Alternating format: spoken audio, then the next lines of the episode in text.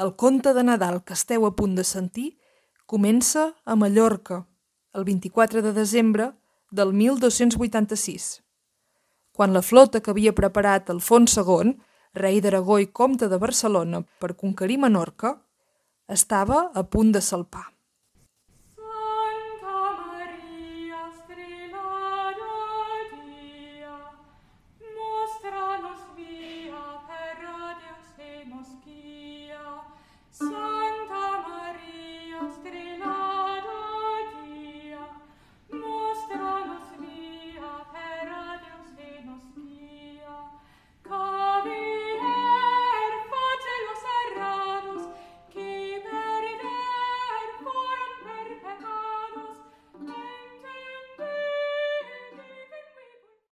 En una companyia hi havia 20 almogàvers que eren de Sogorb i dels seus voltants. i que s'estaven al pòrtic de Sant Nicolau de Portopí.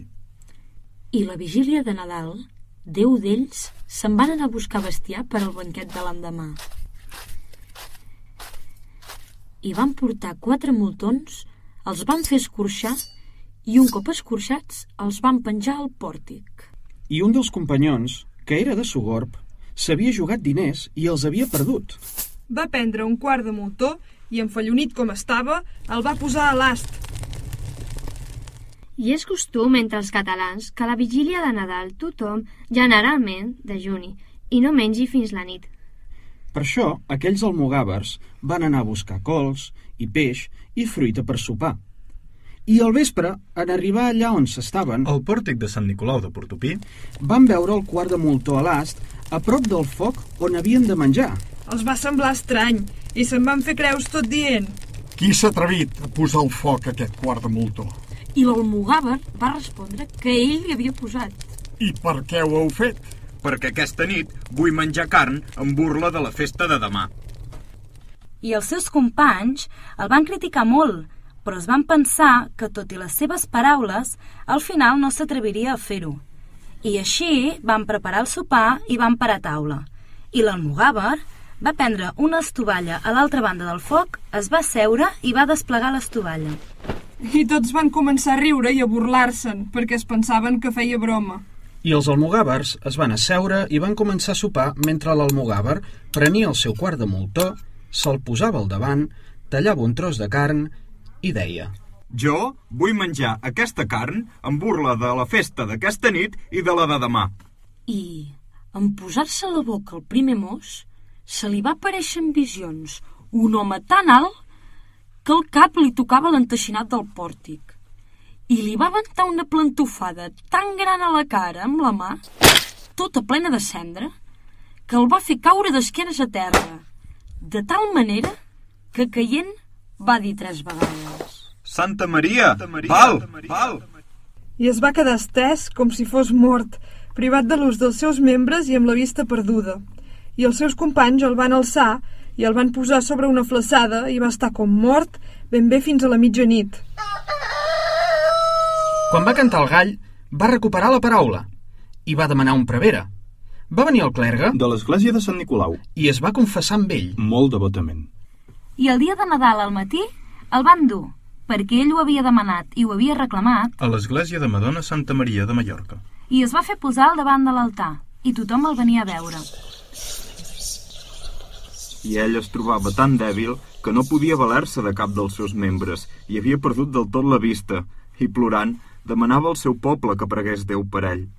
I confessava davant tothom els seus pecats i les seves faltes amb gran contricció i amb un gran dolor, de tal manera que tots els homes i les dones se'n compadien.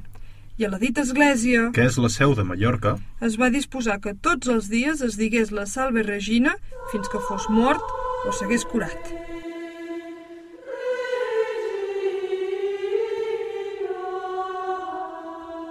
Què més us en diria?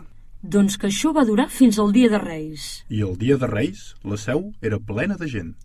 I el predicador, un cop acabat el sermó, va demanar al poble que tots preguessin a Madonna Santa Maria que demanés al seu beneït i car fill que aquell sant dia mostrés el seu gran poder sobre aquell pecador i que tothom s'agenollés mentre els clergues cantessin la Salve Regina. I tothom ho va fer de bon grat. I quan començaven a cantar la Salve Regina, l'home va fer un gran crit. I tots els seus membres se li van dislocar, fins a tal punt que l'havien d'aguantar entre sis preveres. I al final de la salve, tots els ossos del seu cos van fer un gran cruixit. I davant de tothom va recuperar la vista i tots els membres del seu cos van tornar un per un al seu lloc, en perfecte estat. i així, ell i tot el poble van donar grans gràcies a Déu per aquell miracle tan vell que ell I Madonna Santa Maria els havien mostrat aquell dia. I així, el bon home se'n va poder tornar sa i estalvi.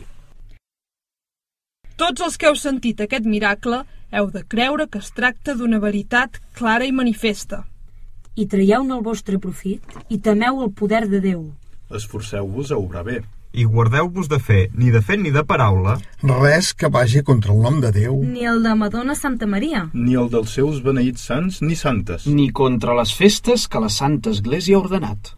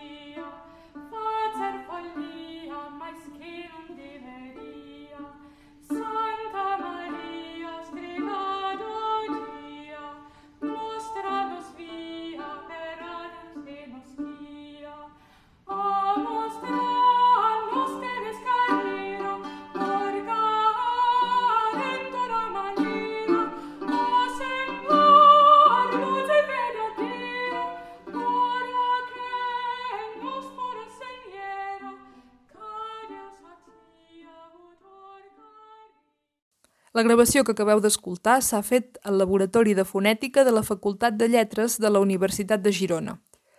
La taula de so ha anat a càrrec de David Fernández i el muntatge de Glòria Ribugent.